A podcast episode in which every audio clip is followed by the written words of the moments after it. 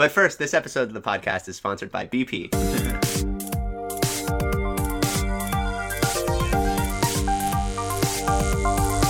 Well, I'm not a crook.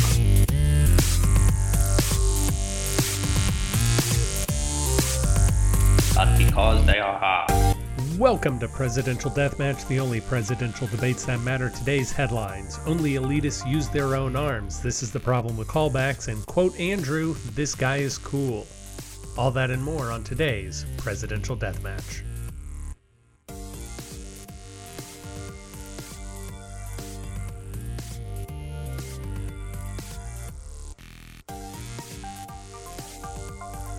All right. Hello again. Uh, this episode is being released before the episode we just recorded. So Ah. uh, this is the first time y'all are hearing Andrew in a while. Boom, boom, boom. Andrew primarily doing sound effects this episode.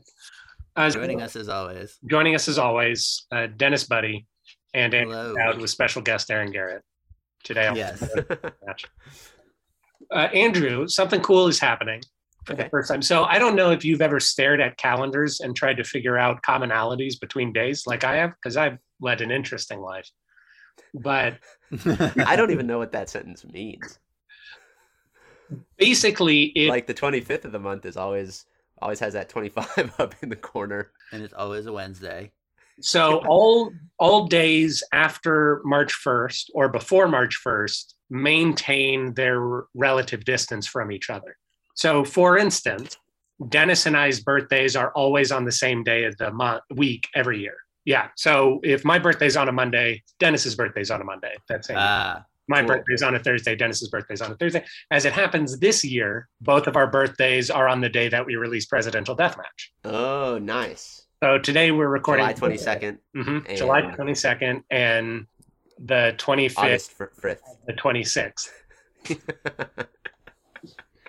Andrew, uh, Andrew, one year sent me a birthday card on my birthday. Or no, he texted me. yeah, don't don't oversell he me. text sent me an e message uh, via text for my An e birthday. card. um, and said like happy birthday and i was like thanks so much and then a month later he sent me on july 22nd he sent me a, a text happy birthday and the previous text like we hadn't texted over the course of that time so the previous text was a text from him saying happy birthday on my actual birthday a month earlier Well, and I think I think that actually on July 26th or July 22nd, I texted, "Oh my god, I can't believe I forgot your birthday. I'm so sorry. Happy belated birthday." because it was like the 23rd no, I think I think it was that July 22nd had happened. I had like summer 22nd in my mind, and I was like, "Oh, is it Dennis's birthday?" And then I looked it up, realized it had been the June 22nd, so I thought I was a month late. And just yeah, right above my "I'm so sorry I forgot your birthday" text was a "Happy birthday" text. That's pretty great. Which really, at the end of the day, what it means is that I should call you for your birthday. so I sent him a verbose uh, card on his birthday, and then sent a follow up card a month later. Which goes to show how much more thoughtful Dennis is. That's true. It- yeah, it's the Seretti in me. hmm They don't understand that reference yet. It's foreshadowing. I think everybody gets who Dennis Seretti is. We all, I think we all know. understand Dennis Soretti. Yeah. Tune in next week when you get to hear about Dennis Soretti on Presidential Death Versus Max Diamond Hands. And in the meantime, Diamond Hands, the NFT broker. Lord Diamond Wiener. So I'm turning 31 this year when when people hear this. And at first I thought I'll emasculate myself by going and looking up who was doing the best in their life by the time they were 31. And Jesus then Christ. and then yeah, he was doing pretty well. Uh, he was about a year in to, to a pretty killer run. yeah, It's right before the Greatest hits. anticlimax. yeah. the- But uh, as it turns out, since running for president has to happen at the age of 35, most of these guys aren't doing anything interesting by the age of 31. Uh, so that was that wasn't going to work out. So then I decided to go and look at the uh, failed candidate whose birthday was closest to my own, and the answer to that is Hubert Humphrey, May 27th. Hubert Humphrey, Ah, really cool guy, uh, but I did not have enough time to do enough research on him because he's too cool. So then I decided to go with the runner-up Barry Commoner, born on May 28th, who's a lot more understandable. it's a bit of a backhanded compliment to Barry Commoner to say I felt I had enough time to research him and not enough time for Hubert Humphrey. Uh, but we will get to Hubert Humphrey at some point. So, uh, Andrew, tell me all the facts you know about Barry Commoner. Barry Commoner. Well, he was. It's such a funny name, Yeah, he changed. He Barry must, Commoner. he must have changed it when yeah, he decided to it's go like into how do I get them to think that I'm with the the normal man? I'll change my Um, 1st name to Barry. His last name was already Commoner. Yeah. Okay. um, what do I know about Barry Commoner? Barry Commoner, uh, he ran in the election of, I think it was 1932. Yeah. Um, he ran with the Clear Creedence Clearwater Party. True. Um, and he, Before they were revived, it was like the OG. yeah, I think it yeah, that was before the the, CC revival. Party. Yeah. Um, and he was really, yeah, I think he he was like really into agriculture. Um, he Yeah. he's his main tenant was that he wanted to turn like the Secretary of Agriculture into a like a job held by two people, where one was the hands standing behind. you know, and, uh, actual agriculture. That's true because Yeah. he wanted to bring funny gesticulation to the role. the role Um, to, to benefit its stature. Yeah, because never let the right hand know what the left hand is doing, Mm-hmm. or either hand know what the head is doing. Yeah. So it was three. It was a three person. one one right right hand. hand, one, one left left hand, the But head. because he wanted all of them to be able to use scissors, they were actually just two right-handed people, two right hands, but the this through the before left. left-handed scissors were invented. Yeah. Yeah. There's a famous Nacho the queso speech Mm, hmm that everyone that got you know that really took off Yeah. Because everyone was like he really gets what it's like to be a commoner. Yeah, and that's what turned his name from Very Commoner into Barry Commoner. yeah. Was Yeah. that he? Yeah, he was trying to. Um. Dennis, can you deep tell me the um, can you- do that famous Barry Commoner impression that you do, and tell me the big quote from Barry Commoner from that speech? Yeah, Andrew loves this accent that I do. I do. Yeah, I love this one. Um, it is like a big, uh, it's like queso, and of course he's got like the people's arms through his armpits and the um Does the he blanket what he? Huh? He practiced what he preaches. Like, Yeah. if if this is good enough for the Secretary of Agriculture, it's good enough for me. Yeah, and he never used a podium so that he could be just in front of a chair so that people could see that he had shoes on his knees. Which wasn't offensive back then. Uh, we now know. We now know it's offensive. Yeah, and he was like, if I could eat queso like this, then so can all of you, and that's why, and that's why we need government cheese. And it was like all like a play on the agriculture hmm Mhm. threesome to start serving free cheese, free queso. And then he said, "Let's give a, ra- a round of applause for for the cheesemakers." And he slapped the backs of his, his hands together. But one of those holding scissors, and it was a huge, it was a bloody mess. Um, and then yeah, the pink queso of 1932 became, it went down in infamy. Well, that's why we know it. That's why we celebrate Pink Queso Day. hmm Yeah, At least we do in Texas. I don't know. Which actually is, and it's always on. So like, if Christmas is on a Friday, then Pink Queso Day is on a Friday. If Yeah, Christmas is on a. Wednesday, then Pink Queso Day is on a Wednesday. I'd of lock how calendars. itself. Pink calendars Queso work, and. Christmas locked together in an eternal struggle that neither one of them will ever succeed at. For the for the hearts of the nation. Yeah. the way that it dribbles down your chin when you get a nice hot queso, and then you can't. Dennis, eat is that how 'cause you it tastes eat like queso? blood? And then and then there's the whole thing where some people are calling it Queso Day, and then others are like, keep the case in Queso Day.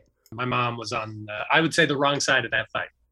Mm, Barry Commoner was born in 1917 in Close. Brooklyn, New York. So not a terrible accent, uh, all things considered. I say his Italian.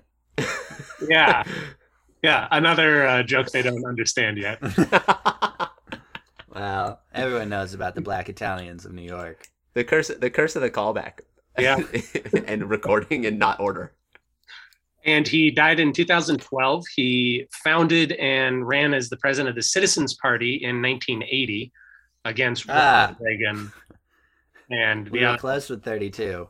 We Yeah, were making we the gamble that he ran at the age of 20 and then just retired for 70 years.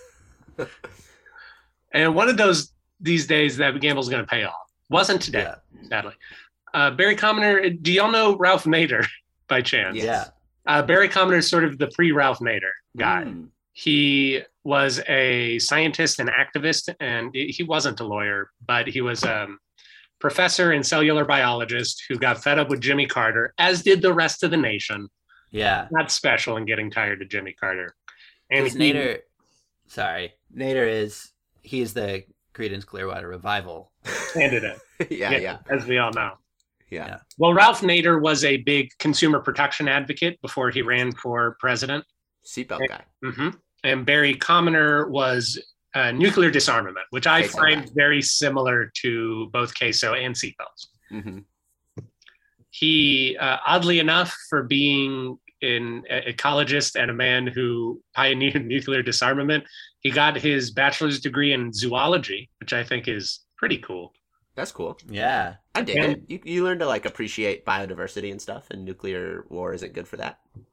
Uh, But on the other hand, it could mutate DNA, so it could lead to a greater amount of diversity. Mm, but that would be more homework for him, more textbooks to read. yeah, so he likes the right kind of diversity, is what we're saying. yeah. Yes. Very common with politicians. Yeah, that's true. I, he was a professor at Washington University for a number of years, which is sort of a I don't know why Washington University comes up so much at Rice, but uh, it, Yeah. it's somewhat connected. They're they're considered very similar, Yeah, I think. I, I think so as well. He was a guy who I, I don't I don't fully understand what his point was with his research, so I'm just gonna read his uh, four laws of ecology, which were written in his 1971 book, The Close. Eco laws. So number The one, closing circle: nature, man, and technology. no, maybe. Oh, uh, by Barry. Wow, the father of modern ecology. This guy's cool. Okay, keep Yeah. going. Yeah, he is pretty cool.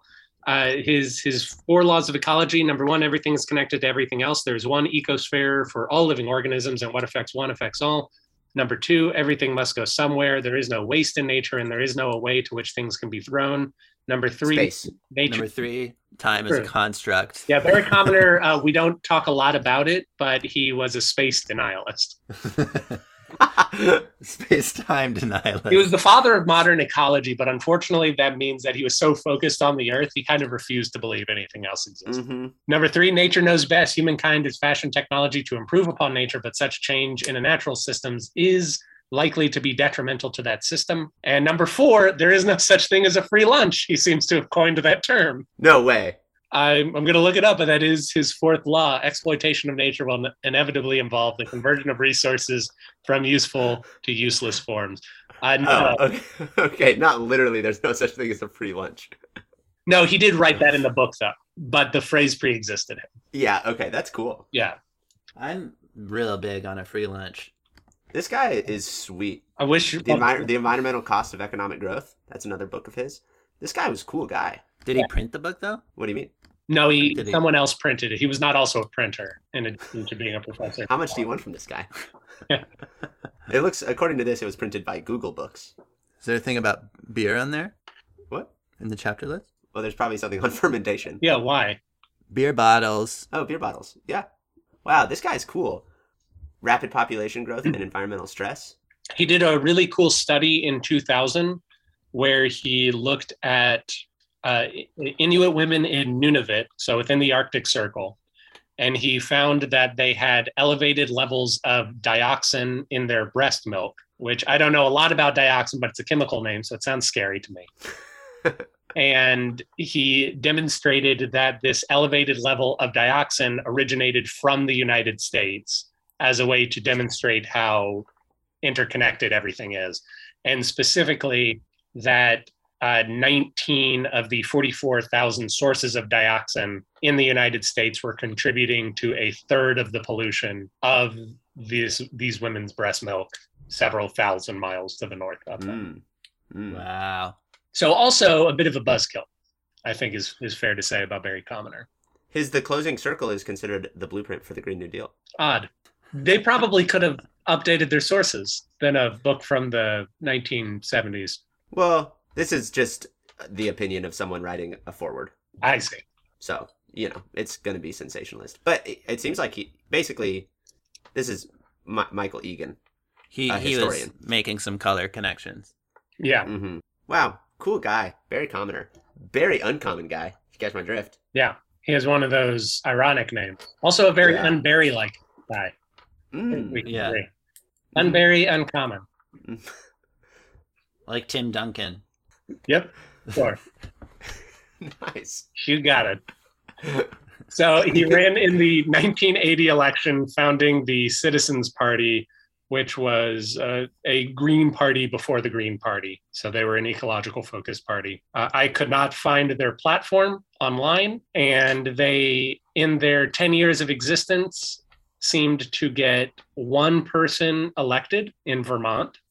Classic. Do you think that Barry Commoner could be like a um Vampire? like if That's exactly what I was going to say. Do you think that that this kind of just seems like it could be like the perfect sort of example of of some serious issues, you know? Just like I think from a like environmental standpoint, this guy was a really smart dude, had a lot of stuff right, and they got one person elected. It's just like a classic a classic tale. What was the party? the Citizens Party. I think part of the issue was that he didn't try to work with big With- oil. Yeah, exactly. Yeah. Like he he didn't bow down to big oil, which I think we can all agree is the right thing to do. No, I think what really happened was he wasn't a politician. but first, this episode of the podcast is sponsored by BP. BP, Shell, and Exxon Mobil Yeah. all uh, have gathered together to let us keep living. I But also, I think that there's a, I think that there are problems when, as a politician, you are running on only one thing, which is he's running only on the environment and he's not thinking about other aspects of the country, and so you don't have a, a large platform. it's just fun to have someone on the pod who's discovering in real time that like good people don't like become president. I know, like yeah, I'm like super stoked on Vendel Vilke. Spoiler. And uh this dude, Barry Commoner. Barry Commoner. That's the other thing is it's an it's a name that just slips through your mind. The uh well, I- will say, you know, the environment this is me being pedantic and splitting hairs, but technically it is a platform that encompasses all of the other important platform things. It's just, you know, that that doesn't translate obviously. It depends on how you write your policy, Yeah. I suppose. Well, it just well, whether or not en- environmental outcomes affect everything else is doesn't depend on how you write your policy. Sure, but if you The environment will for- affect But if the you're economy running for and human health. president in that way, uh, Totally. then every political party is an environmentalist party. Like you could reverse that argument as well and say that everything that they are doing is affecting the environment. That's true. That's true. He um one of his us back- papers is really directly quite related to my research, which is fun. Uh, please uh, expand on that. He studies the he has a paper from 1978. This guy, coolest dude, oh man. He's a paper from 1978, formation of mutagens in beef and beef extract during cooking. And my first project was looking at uh, engineering cow muscle cells to produce antioxidants to prevent the formation of mutagens during beef cooking. wow. Yeah, and he didn't ask Barry what he thought. I wish I'd cited Barry. Yeah, I think maybe you sometimes did, and we just forgot. Yeah. getting him on the phone sometimes is not he's not as like good as if you look back at his writing because he just jumps into his queso thing. He's trying to play the hits, unfortunately, yeah. And we say, "No, I want to hear about the mutagens." Yeah, Yeah. this actually, this this paper actually came closely on the he- heels of him releasing his Barry Commoner's beef free queso, and so it actually is just a yeah. a pseudoscience marketing shill. you Yeah, call him he's like mutagens beef yeah queso with chorizo queso yeah he just he connects it back quickly but you also always know where he's going, which is disappointing. Like it's impressive how quickly he gets back to queso, but you know that that's all he's thinking about. yeah Mm-hmm. This guy is a quite successful, quite accomplished Oh yeah, researcher. These are papers in big journals. These are cool papers. Wow. Sorry, I'm kidding. We can. I'm, I'm not trying to derail us. no, no, I, I uh, you seem to be much more excited about Barry Commoner than I am. So I'm incredibly excited. and it's not a different barry commoner right And he's Eugene Levy. yeah he does look like. Oh, we should get Eugene Levy to play Barry Commoner. Yo, that oh, that'd be perfect. He looks so similar. Running for president. Yeah, that'd be funny. Like a Christopher Guest style Mm-hmm. run for president movie. with Very commoner. I feel like you'd get like Woody Allen in there too. I don't know. I don't know. Yeah, I mean, we don't get him involved, but you know, get hit, Right. Get a Woody Great. Allen feeling. Anyway, get Woody Allen feeling. uh, my my final word on Very Commoner will be that uh, if nothing else, he appears to have been instrumental in getting Nixon to establish the EPA. wow. So he he has long lasting political effects, even if he he was not able to unseat Jimmy Carter in the way that he wanted to. Hmm. Yeah. And I mean, if it really is like inspirational toward the Green New Deal, then that's a very lasting effect as well. I'm not entirely certain since the Green New Deal is um, political prop that has no chance of becoming law, and everybody involved knows that it has no chance of becoming law, so they're not actually trying to make it law. And But it's it does done in take a up- very silly and stupid way. Whether or not Commoner believes in it, it takes up space. Believes in space, I mean. I think, um, you know, I think like his, he's a cool dude.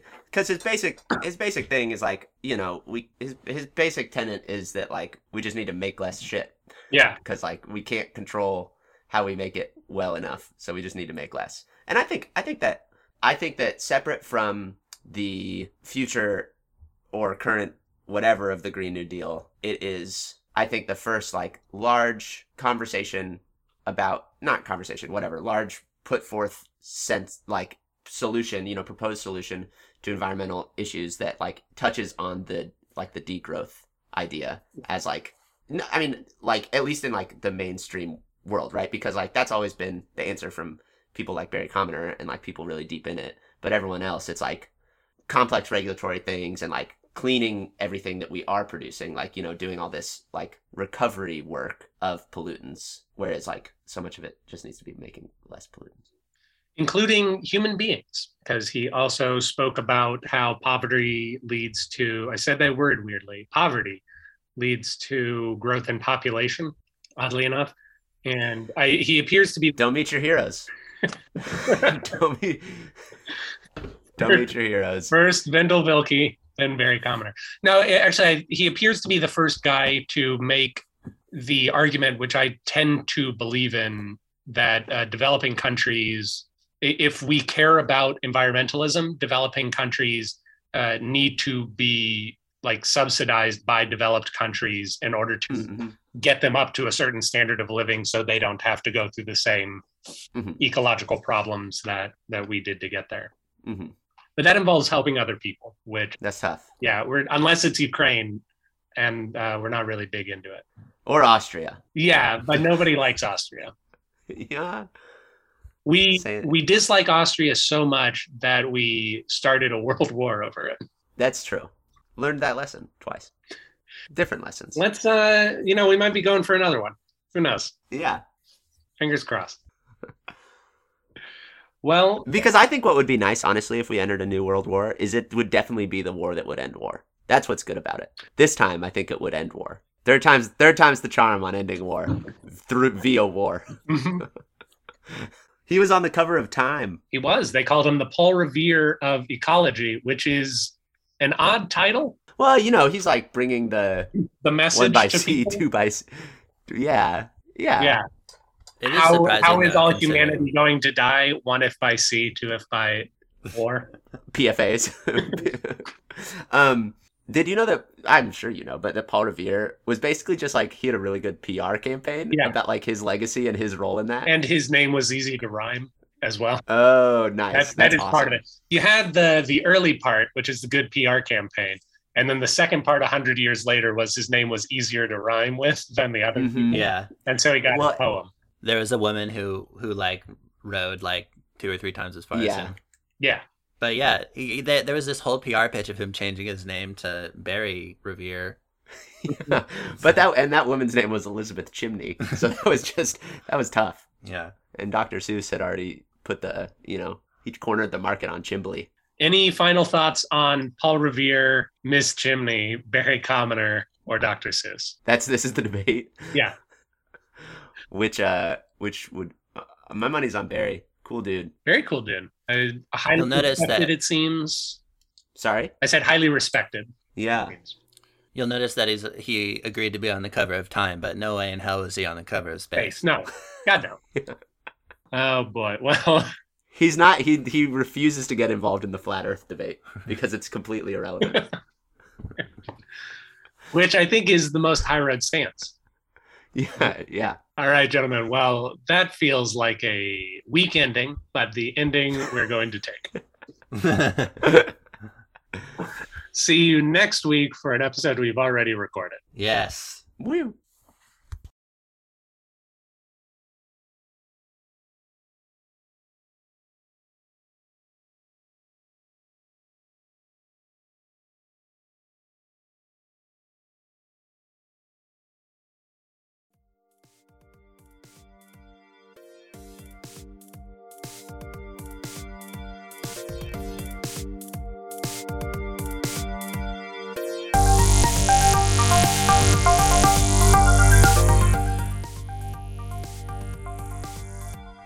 Thank you for listening to Presidential Deathmatch. Presidential Deathmatch is hosted by Aaron Garrett and Dennis Buddy and edited by Aaron Garrett.